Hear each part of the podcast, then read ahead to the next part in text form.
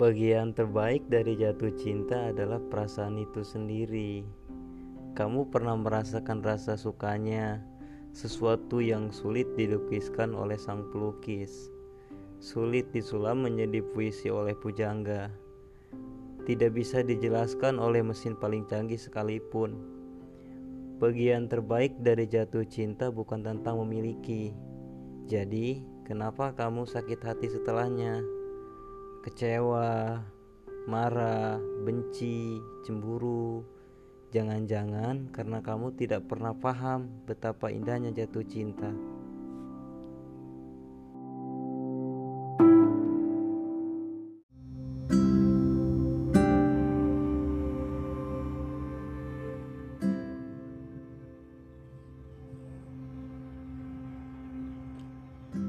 Elijah mengemuskan nafas.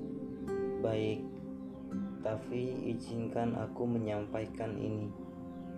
Lail, anggap saja aku ibumu, seorang ibu yang akan memberikan nasihat terakhir kali.